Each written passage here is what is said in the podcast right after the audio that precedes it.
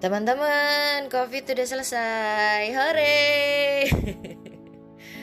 Kalau ada yang gitu di sebelah saya, biasanya saya akan diem aja.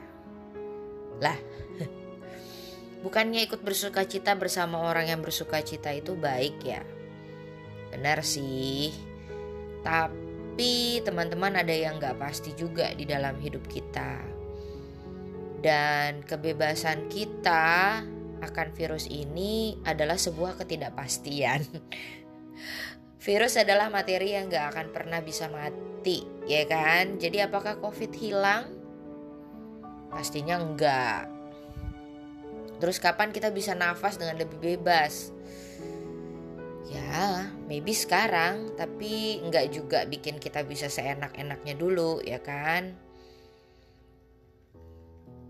Nah, akhir-akhir ini karena angka BA4 dan BA5 cukup tinggi dan ada teman dekat saya juga yang kena, saya jadi sadar bahwa memang kita itu akan selalu diombang-ambingkan dalam segala ketidakpastian. Yang pasti itu hanyalah kasih Tuhan di hidup kita. Wow.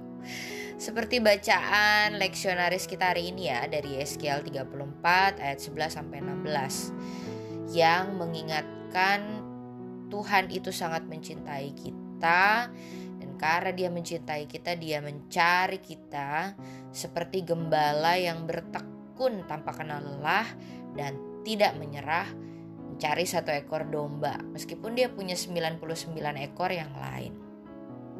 Bacaan kita mau mengingatkan kita ini kalau hilang gak akan sempurna di mata Tuhan.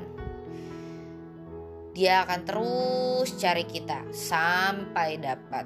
Dia akan terus mencari untuk menemukan kita sampai kita ada di pelukannya. Sweet ya. Jadi kalau memang kita menyadari kasih Tuhan itu, memang kita harus sabar. Sabar setiap hari ya sabar setiap saat. Mungkin teman-teman masih pindah-pindah kerjaan karena gajinya nggak kunjung memuaskan. Atau mungkin kita masih nganggur di rumah karena ada banyak keterbatasan ya yang hadir gitu.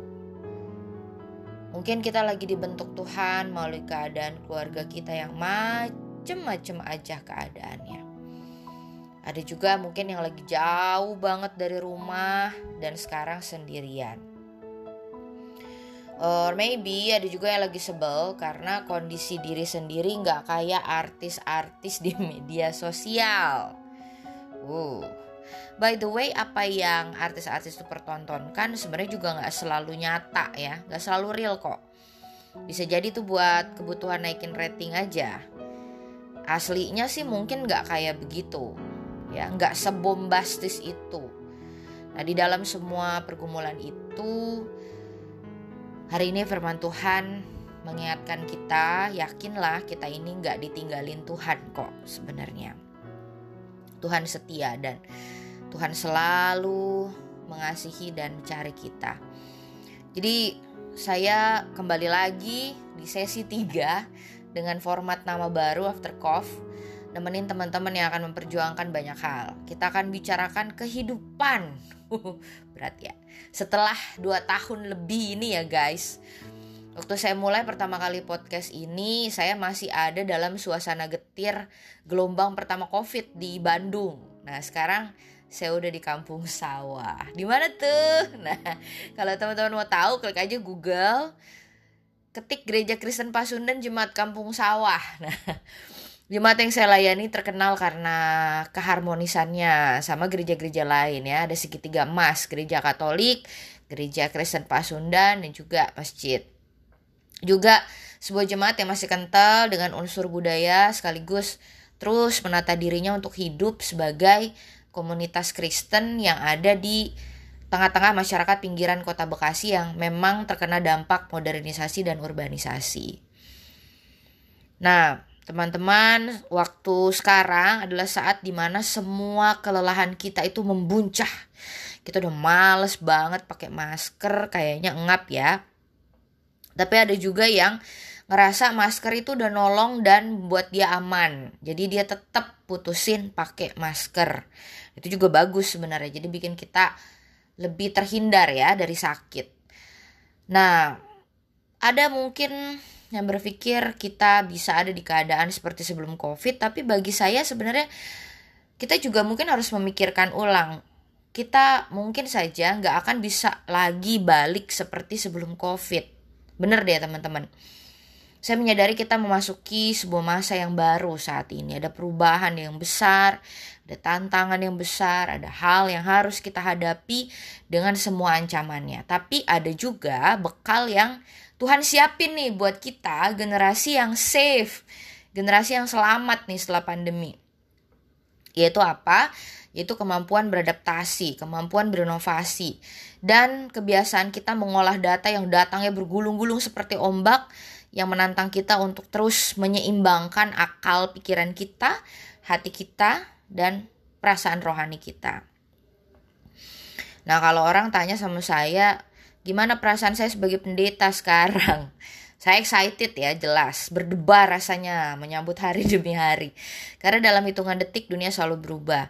Dan tempat yang saya layani, jemaat ini adalah sebuah tempat yang terikat dengan rekam jejaknya ya tapi sebuah tempat juga yang mengalami banyak sekali perubahan sekarang efek dari generasi yang terdahulu tertinggal tapi mungkin relevansi dan dampaknya ya kita masih harus lihat lagi begitu ya pada uh, sistem bergereja yang ada pada saat ini. Saya nggak pernah tahu apa yang akan terjadi dengan gereja kemudian atau di masa depan karena memang semuanya masih misterius.